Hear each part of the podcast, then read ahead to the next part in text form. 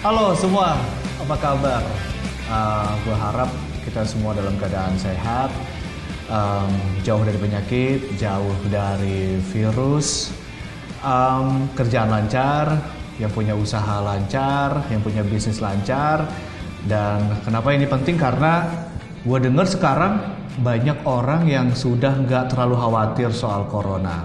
Karena ternyata banyak orang yang katanya sekarang lebih khawatir soal krisis ekonomi. Nah, pada kesempatan kali ini gue akan bahas uh, sedikit soal, bukan sedikit sih, mungkin akan coba lebih komprehensif soal uh, seberapa mungkin sih kita semua di dunia, terutama di Indonesia, akan uh, menghadapi krisis dan seberapa hebat krisis itu. Karena bukannya menakut-takuti, tapi gue pengen coba untuk mengajak semua dari kita untuk mencari solusi, rencana, dan juga mitigasi. Karena gue yakin sekarang banyak nih karyawan yang deg-degan bulan depan, dua bulan ke depan, tiga bulan ke depan masih kerja nggak ya? Kantor masih buka nggak ya? Dan banyak kasus sekarang punya cicilan mobil, mobilnya udah ditarik-tarikin sama leasing. Terus uh, yang punya cicilan ke kartu kredit ke bank, banyak bank juga mengajak uh, konsumennya untuk nasabahnya untuk uh, apa namanya uh, keringanan untuk uh, bayar cicilan.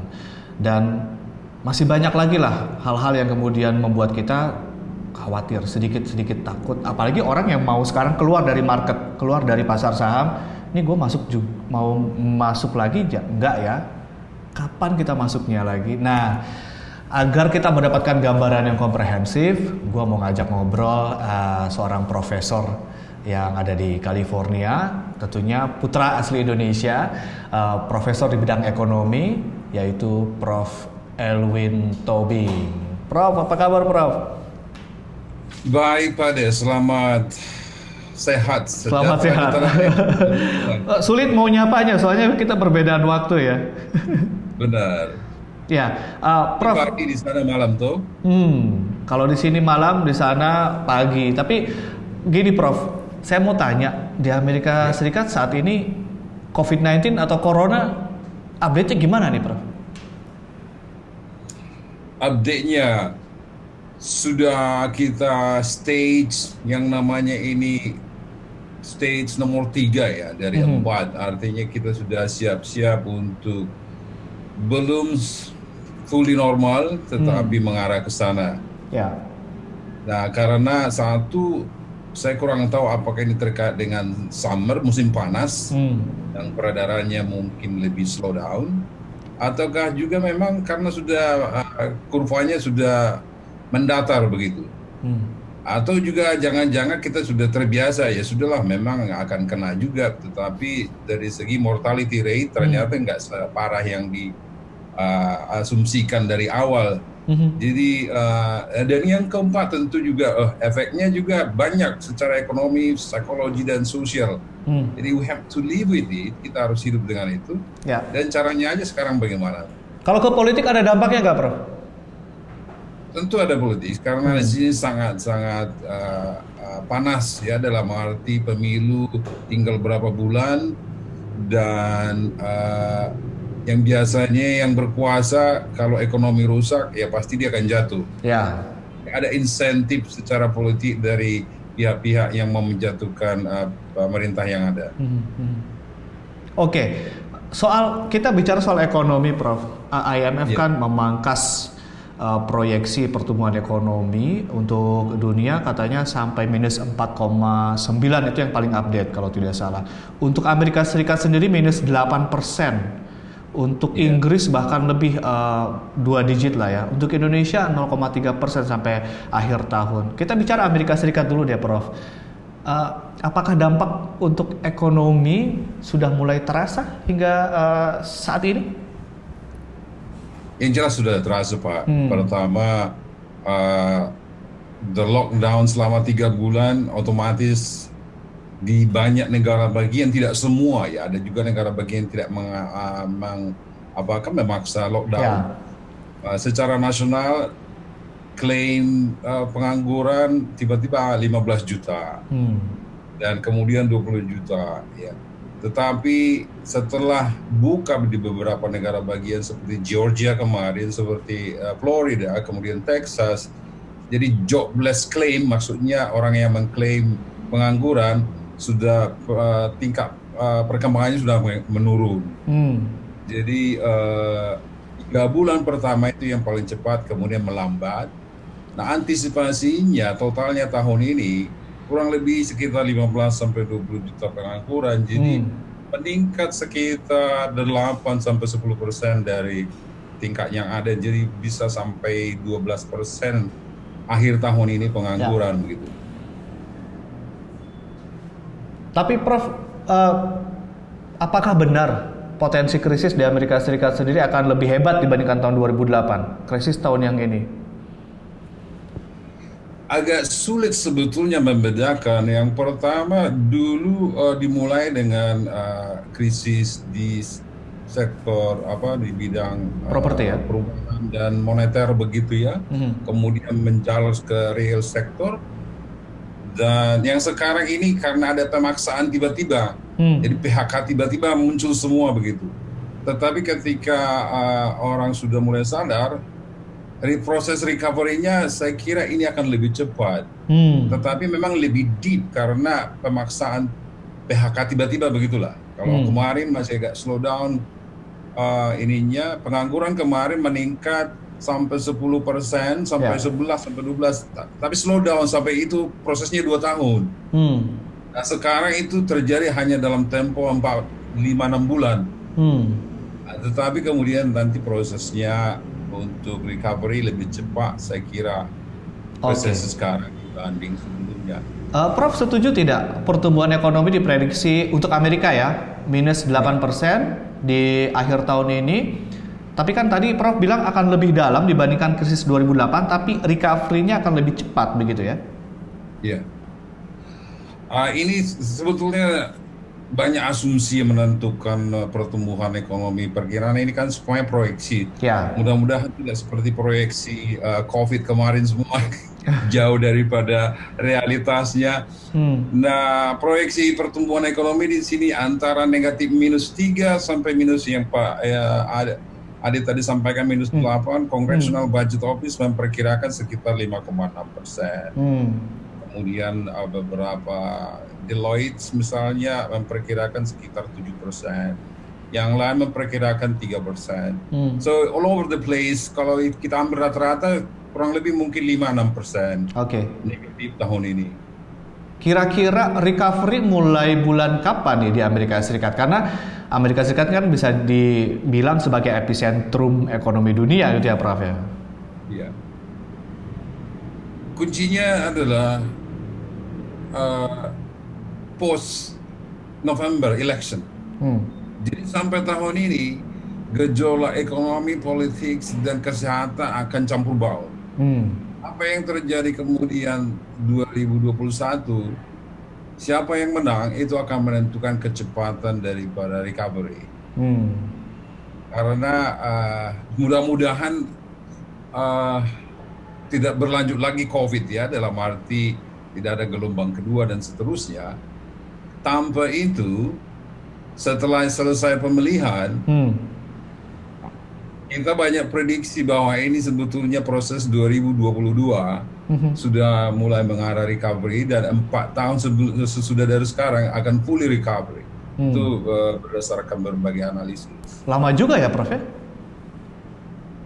Iya lama, lama tentu karena cukup dalam hmm kalau kita lihat misalnya uh, eh, 2009 krisis kemarin, hmm.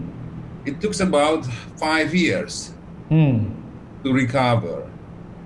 Jadi 2013, 2014 dan we have uh, 2012 pengangguran masih sekitar 8 persen. Ya, ya. Setelah itu baru turun. Sampai kuantitatif easing berkali-kali di Amerika Serikat waktu itu ya. Benar dan sekarang hmm. uh, ya betul. Oke, Prof, kita bicara soal Indonesia. Saya yakin Prof juga meskipun uh, di Amerika Serikat mengamati dengan seksama bagaimana perkembangan politik ekonomi di Indonesia khususnya uh, terkait dengan uh, potensi krisis ini. Seberapa bahayanya sih Prof krisis di Indonesia potensinya? Uh, sebenarnya iya kita ada yang mengatakan oh jangan bandingkan dengan Krismon 9798. Hmm. Sebetulnya kita kita dalam arti beruntung tapi jangan terjemahkan secara letterlet ya. Hmm. Amerika beruntung 2009 kita punya pengalaman Great Depression 1929. Ya. Great Recessions yang 2009 kita belajar menanganinya bagaimana supaya tidak terlalu uh, berpakaian dan tidak semakin memburuk hmm. dengan mengambil hikmah 2000 uh, uh, Great Depression 1929. Mm-hmm. Nah kita punya Krismon 97 98. Mm-hmm. Uh, menurut saya itu lebih berat karena kombinasi social politics dan segala macam. Sorry, Satu. yang lebih berat yang mana? 98 atau krisis yang akan kita hadapi ini? Nah, maksud saya saya mau bandingkan sedikit ke arah mm-hmm. 97 98 bagaimana kita cara mengenanganinya waktu itu dan bagaimana impactnya dan bagaimana kemudian proses recovery-nya. Nah, 9798 kita negatif 13 persen tahun okay. 98. Nah, banyak prediksi untuk 2021 eh 2020 kita akan negatif all over the place juga, Pak. Mm -hmm. Seperti ya IMF 0,3 Hmm. Uh, kemudian ada beberapa mengatakan negatif 5. Hmm. Nah, saya coba sedikit kalkulasi. Uh, mungkin tidak suka kita mendengar, tetapi menurut kalkulasi saya, kemungkinan kita ini negatif neg uh, 6, minus 6 sampai 8 persen. 6 sampai 8 persen? Iya. Artinya lebih dalam dibandingkan proyeksi-proyeksi uh, yang sudah ada sekarang ini? Betul kecuali begini Pak asumsi saya uh, komponen ekonomi itu ada empat satu hmm. konsumsi rumah tangga hmm. investment kemudian ya. konsumsi pemerintah dan perdagangan luar negeri hmm. nah kita asumsikan dulu perdagangan luar negeri uh, net trade tidak ter, terimpact ya. jumlah uh, ekspor kita menurun berbanding dengan uh, penurunan impor. Jadi uh, net ekspor tidak terpengaruh. Katakan dulu supaya uh, uh, simplify. Berapa persen kira-kira konsumsi rumah tangga menurun selama empat bulan terakhir? Hmm. Pertama, apakah ada menurun? Hmm. Menurut saya pasti menurun. Ya. Let's say 5 persen. Berapa persen investasi? Investasi paling cepat menurun karena dia lebih cepat uh, perusahaan bisa menyetop langsung tapi rumah tangga tidak bisa menyetop makan. Mm-hmm. Nah, ketika 97 uh, eh, investasi menurun 21 persen. Ya. Nah, belanja pemerintah berapa? Assuming kita belanja pemerintah tidak menurun. Mm-hmm. Nah, kalau itu yang terjadi, hanya dua konsumsi rumah tangga menurun 5 persen, mungkin masih masuk akal investasi menurun 20 persen. Nah kalau itu kita ambil kurang lebih karena kuartal pertama kita selamat ada tiga persen positif ya. ya. Nah net effect the whole year 2020 itu sekitar 7 persen. Mm -hmm. Tetapi kalau pemerintah menurun belanjanya seperti 97 nya itu 21 per, eh 28 persen Pak waktu yeah. itu. Nah kita asumsikan terjadi juga dua, eh, 2020 ini maka uh, pertumbuhan ekonomi itu bisa sampai 10-11 persen. Kalau belanja pemerintahnya uh, menurun. Ya, 8 persen menurun Pak ya, bukan hmm. bukan zero. Oke. Okay. Nah itu asumsi masih hmm. international trade tidak berubah sama sekali net hmm. net uh, uh, ininya net export. Oke, okay. uh, Prof. Tadi kan ya. Prof bilang proyeksi pertumbuhan ekonomi Indonesia minus 6 sampai minus 8 persen itu situasinya kayak apa sih Prof? Karena waktu dibandingkan dengan 98 misalnya dulu, saya masih remaja, kita pengen beli alat-alat elektronik itu mahalnya minta ampun karena rupiahnya anjlok dan itu elektronik semuanya impor. Nah, kalau dengan pertumbuhan ekonomi minus 6 sampai minus 8 itu seperti apa, Prof? Well, eh, kita lihat dulu pertama dari berapa kira-kira estimasi pengangguran begitu ya dengan hmm. pertumbuhan ekonomi yang negatif uh, sebesar itu kalau misalnya assuming 8 persen, uh, ini kalkulasi saja yang saya ya. lakukan. Kurang lebih uh, pengangguran kita meningkat 6,7 persen, uh, which is about 10 juta uh, pengangguran uh, bertambah. Hmm. Kalau kita moderate 6 minus negatif, uh, minus 6, berarti pengangguran kurang lebih 5 juta orang bertambah. Hmm. Nah, menurut Apindo sendiri selama pandemi ini udah 6 juta. Yeah. So, I think my number is not that banyak berbeda jauh. Kemarin uh, Kementerian Keuangan mengeluarkan dokumen uh, pemulihan ekonomi dengan asumsi pengangguran hanya meningkat kalau saya nggak salah 2,2 sampai 3 juta. Ya. Itu uh, asumsi berat. Uh, hmm. Menurut saya sangat konservatif. Realistically mungkin hmm. berkisar antara 5 sampai 10 juta pertambahan pengangguran. Jadi hmm. itu kira-kira uh, bayangan yang kita bisa tangkap, Pak. Hmm. Nah untungnya okay. rupiah kita terhadap dolar tidak begitu bergonjang-ganjing lagi dan tidak semakin buruk sehingga hmm. uh, harga impor yang kita datangkan tidak uh, meningkat tajam begitu hmm. dan juga uh, konversi ke dolar kalau kita ekspor juga tidak mengalami fluktuasi yang tajam. Hmm. Oke, jadi posisinya sekarang kita diuntungkan dengan rupiah yang tidak terlalu gonjang-ganjing ya, Prof ya? Ya paling tidak itu tidak membebani kita begitu hmm. Pak. Uh, yang membuat kita sedikit uh, parah tentu adalah daya beli hmm. Dan kemudian uh, prospek investasi hmm. yang menurun tentu karena investasi juga reaksi juga ke daya beli kalau daya beli kurang mengapa perusahaan okay. invest. Oke. Okay. Uh, tentu pertanyaan bagaimana untuk jalan keluarnya begitu ya. Pak ya. Mm-hmm. uh, ini isu dua hal. Pertama short run dan long run. Mm. In short run kita harus inject, harus stimulasi uh, spending. Mm. That's sort of the textbook solutions untuk uh, krisis. Mm. Dan untuk itu hanya dua komponen. Yang pertama uh, rumah tangga konsumsi dan yeah. kemudian pemerintah Belanja pemerintah gitu ya? Dan juga belanja rumah tangga. Belanja rumah tangga. Okay. Uh, dan yang berikutnya kemudian kita akan target bagaimana untuk uh, stimulasi investment. Hmm. Sambil uh, stimulasi spending, we have to take care of the stimulasi investment. Hmm. Jadi kita tidak boleh terpaku sekarang ini untuk stimulasi investment. Hmm. Uh, seperti orang lagi sakit yang paling mendesak dulu diobati baru kemudian okay. bertahap berikutnya. Oke, okay. Prof.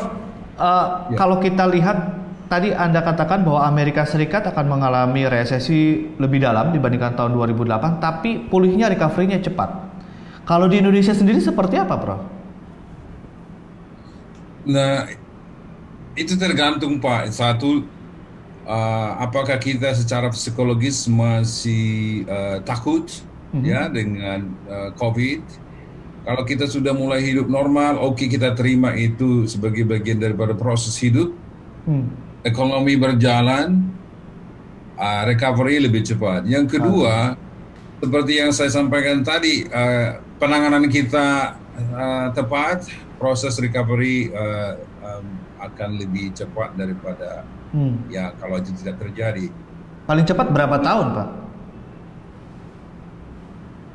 Kalau mengambil situasi dari Krismon yang sebelumnya itu kalau kita lihat 6, 7, 8 tahun pengaruhnya Pak. Hmm. Nah kemungkinan ini bisa sampai 4, 5 tahun. Hmm. Tergantung pertama apakah kita berani membuat uh, stimulasi yang cepat di bidang spending. Hmm. Nah masalahnya sekarang budget dari mana gitu Pak ya? Oke. Okay. Uh, saya lihat ini sebenarnya seribu triliun untuk biaya COVID ini dan seluruhnya artinya untuk menutupi budget penanggulangan ekonomi ini seribu triliun itu sudah kami kira-kira uh, perkirakan itu sekitar satu dua bulan lalu ya we need hmm, about hmm. seribu triliun kalkulasinya sederhana PDB kita kurang lebih 11 ribu triliun. Ya. kita perlu injek kurang lebih 10 persen. Hmm. Nah, katakan 11 ribu, eh sorry, katakan 1000 triliun, dari mana datangnya? Hmm. Nah, kalau kita hanya sebetulnya mengeluarkan mungkin 25 persen dari itu 250 ya. triliun, tetapi sebetulnya sisanya sebagian itu adalah pemotongan anggaran di mana-mana. Hmm. Ya kita hanya reshuffling sebagian, ya kan? Oke. Okay. Bukan bukan new inject cash misalnya. Hmm. Hmm.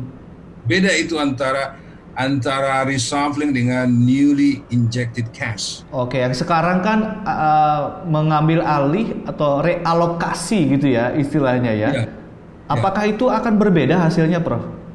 Dengan injection new cash akan berbeda Pak. uh, kedua tergantung realokasinya ke mana. Apakah untuk yang instantly bisa mempengaruhi ekonomi ataukah yang akan lambat hanya terga, hmm. uh, mengarah ke investasi. Okay. Kalau mengarah ke investasi prosesnya kita bisa lihat nanti mungkin 5-6 tahun dan hmm. seterusnya. Hmm.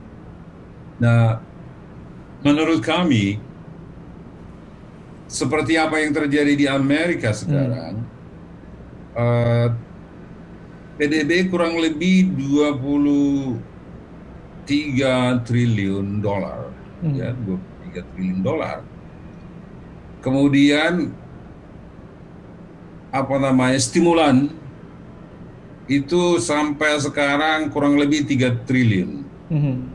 Kemarin sudah keluar 2 triliun US dollar, Pak. Okay. Ya dari mana ini datang? Kami sebetulnya sanjur, anjurkan mungkin model yang seperti ini juga diterapkan di Indonesia. Jangan okay. kita terlalu takut dengan inflasi. Di sini oh. the Fed cetak uang, okay. beli surat-surat berharga, tentu uh, sebagai imbalannya uang dicetak oleh the Fed, ya, hmm. the Federal Reserve. Kurang lebih tahun ini saja 2020 hmm. diperkirakan the Fed akan uh, mengeluarkan uang 3,5 triliun US dollar. Oke. Ini stimulus ya, Prof ya, mencetak stimulus. uang untuk menstimulus membanjiri uh, pasar dengan dolar begitu ya? Benar. Tapi ada efeknya kan, Prof. Uh, dolar harganya akan turun kan nilai tukarnya? Uh, nilai eh, tentu nilai tukar akan menurun dan hmm. itu juga uh, but you have apa namanya trade off di mana-mana ada trade off alternatifnya hmm. apa kita harus minjam minjam juga akan membebani budget juga hmm. uh, minjam juga dari mana sekarang hmm. jadi mana yang lebih instan hmm. karena lebih cepat recovery terjadi hmm. nanti kemudian uh, pelan-pelan akan pengurangan jumlah uang the Fed akan menjual uh, uh, ini lagi apa namanya uh, surat-surat uh, berharga untuk mengambil okay. uang peredaran dari masyarakat. Prof. Jadi sebentar, daripada Prof. lambat, Prof. Sebentar, tapi Prof. efeknya lebih bahaya, lebih lebih bagus cepat ditangani, kemudian e, efek negatifnya slowly uh, di di manage. Oke, okay. artinya dengan mencetak uang itu bisa jadi alternatif di Indonesia? Bagaimana, Pak?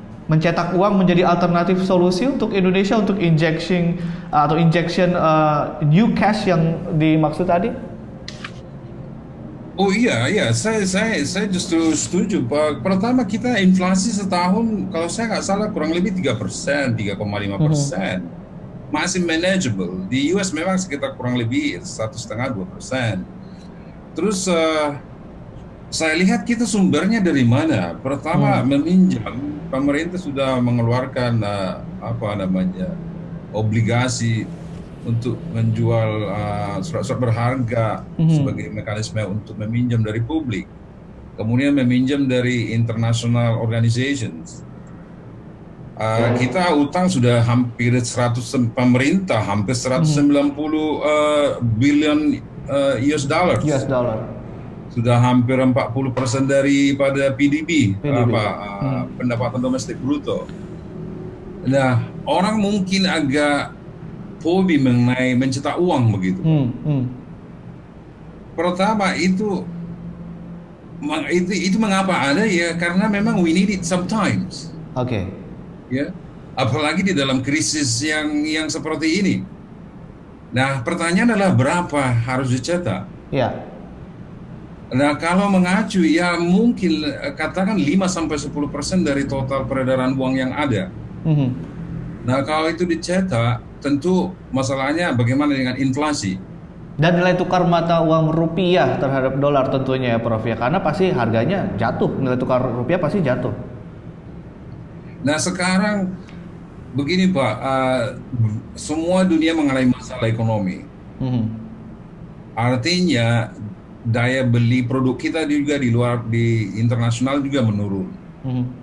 At the same time kita juga daya untuk impor juga menurun. Mungkin untuk komoditi sama produk yang strategis kita tetap harus yeah. impor. Jadi pertimbangan untuk uh, ekspor sebagai salah satu apa namanya engine of ini recovery itu saya kira juga kurang tepat. Jadi berapa uh, yang perlu dicetak untuk katakanlah mengatasi uh, masalah ini? Kalau memang alternatifnya adalah mencetak uang. Iya, kurang lebih mungkin 5 sampai 10 persen dari total uang peredaran yang ada. Uh, Bank Indonesia tahu itu berapa jumlah hmm. uh, money supply yang ada. Hmm, hmm, hmm, hmm. So you can create 5 to 10 persen daripada itu. Nah, bagaimana hmm. dengan inflasi? Ketakutan kita sebetulnya satu inflasi. Inflasi. Kalau penurunan daya uh, apa penurunan nilai mata uang rupiah terhadap dolar itu banyak ditentukan oleh kegiatan international trade. Hmm. Ya. Nah ini Prof, nah, uh, mungkin pertanyaannya adalah ketika kita uh, nilai tukar rupiah kita turun, ini bagus untuk ekspor. Tetapi ini tidak bagus untuk impor. Masalahnya barang-barang di Indonesia lebih banyak impor daripada ekspor. Ini jangan-jangan bisa mengakibatkan daya beli masyarakat menjadi lemah karena kita mayoritas barang-barang masih banyak yang impor nih Prof. Gimana nih Prof? Uh, kita melihatnya dari makronya saja, Pak. Hmm. Uh, ekspor minus impor kita trade balance kurang lebih kurang lebih 1 sampai 2 persen positif hmm. dari total uh, GDP per, per GDP maksudnya net ekspor per GDP kurang lebih 1 2 persen. Hmm. Jadi kalau uh, kita kekhawatiran harga impor kita lebih tinggi, bagaimana dengan ekspor kita sebenarnya punya peluang mengekspor lebih tinggi kalau begitu karena relatif hmm. harga ekspor kita lebih murah di luar ya menurun. Hmm. Tetapi at the same time kalau kita tidak melakukan ini mungkin daya beli masyarakat juga menurun, ya. Hmm. Nah, maksudnya konsumsi rumah tangga kita tidak bisa tingkatkan. Hmm. Kemudian kedua, pada saat yang sama kalau kita meminjam terus, eh, kita juga harus bayar juga Hmm. Jadi beban juga terhadap APBN dan APBD. Oke. Okay. Makin ini berkurang, proses recovery juga makin lambat. Hmm. Jadi maksudnya segala ke kebijakan ada trade-off-nya. Hmm. Jadi kita hanya harus bisa antisipasi, oke, okay, yang mana, yang, yang resikonya lebih... lebih kecil gitu ya? Ya. Nah kalau yang seperti yang saya katakan tadi, Pak, uh, oke, okay, let's say kita cetak uang dalam arti pemerintah akan beli surat-surat berharga, kemudian hmm uh, mensuplai uang ke pasar uh, Bank Indonesia. Nah, let's say 5 persen. Mungkin ketakutan kita inflasi nilai tukar rupiah hmm. rupiah menurun di pasar domestik termasuk. Yeah. Uh, itu bisa terjadi kalau kita tidak produktif. Hmm. Ini ini persamaan sangat yang umum di uh, uh, ilmu ekonomi. Yeah. Bahwa jumlah uang yang beredar berbanding terbalik dengan uh, produktivitas. Hmm. Jadi artinya kalau jumlah uang yang beredar meningkat 5% dan kita uh, apa namanya lebih produktif 5%, it's sort of like offset each other. Hmm.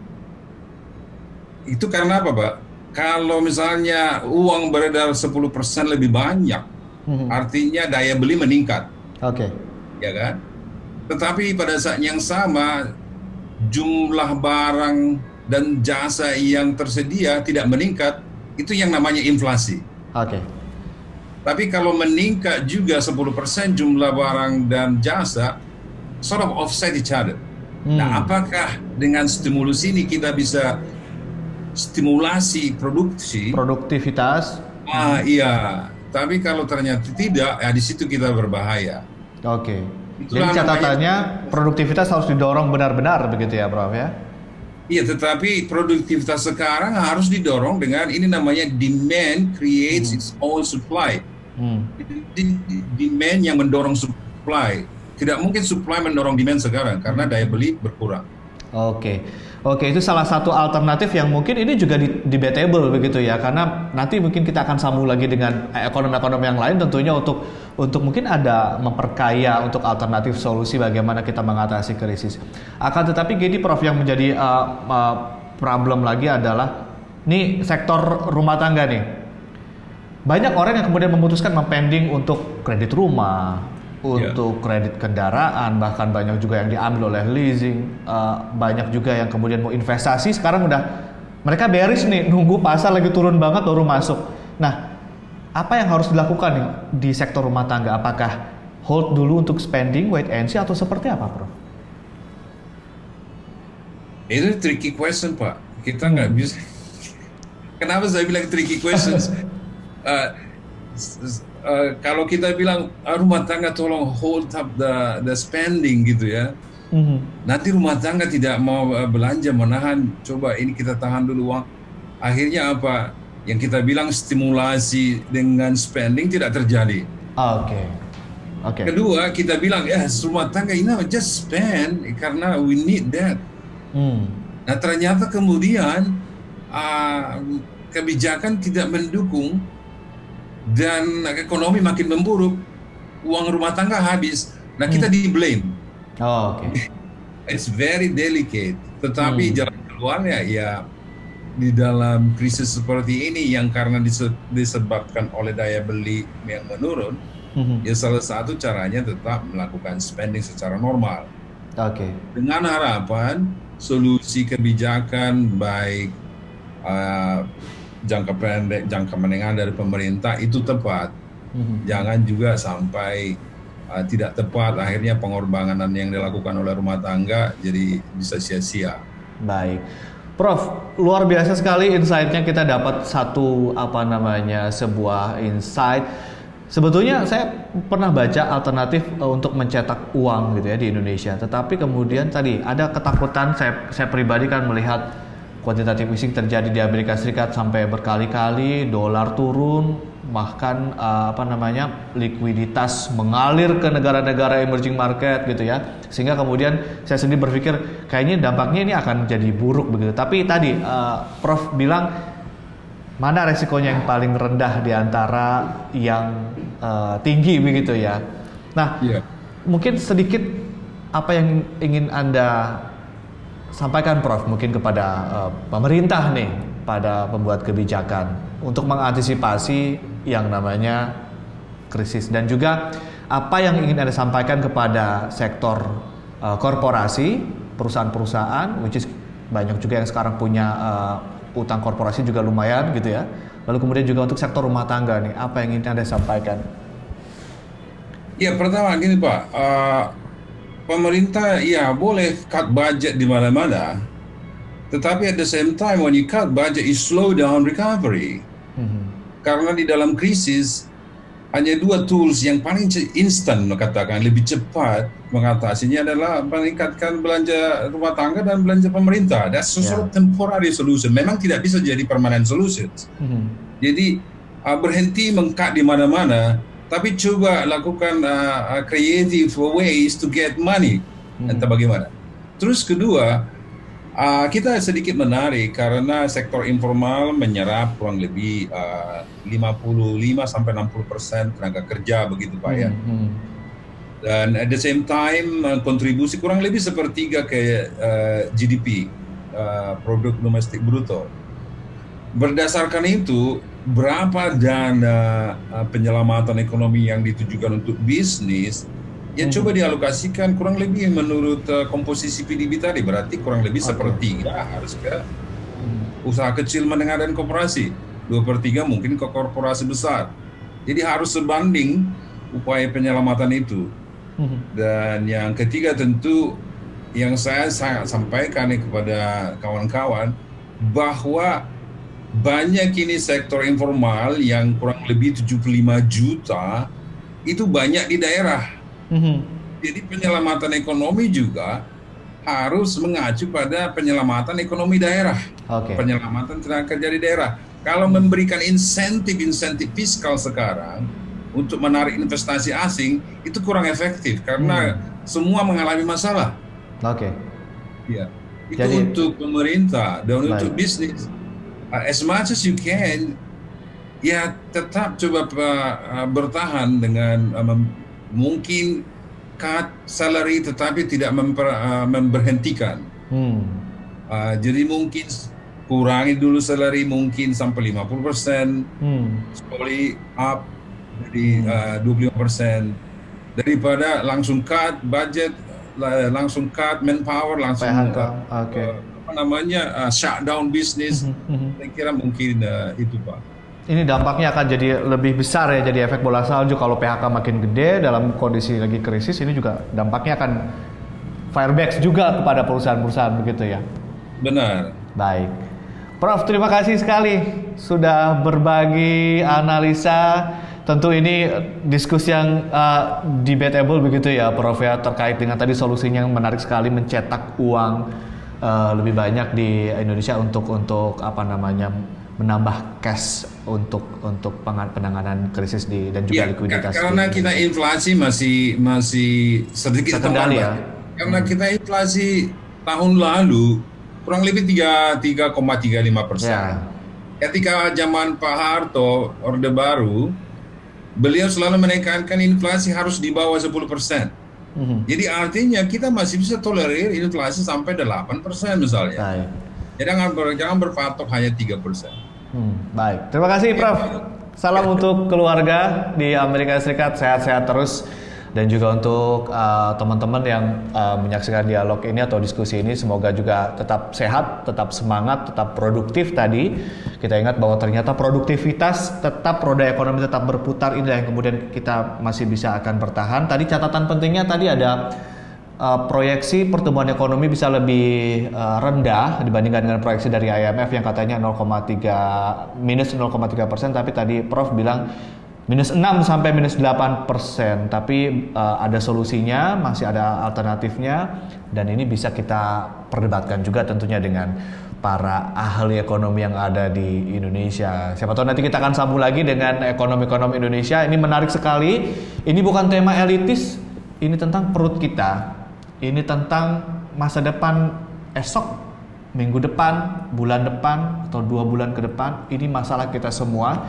Jangan sampai kita terjebak dalam sebuah uh, krisis yang menakutkan. Lebih baik kita terbangun dari mimpi buruk daripada kita benar-benar terbangun dalam kondisi yang buruk. See you. Kita jumpa lagi nanti.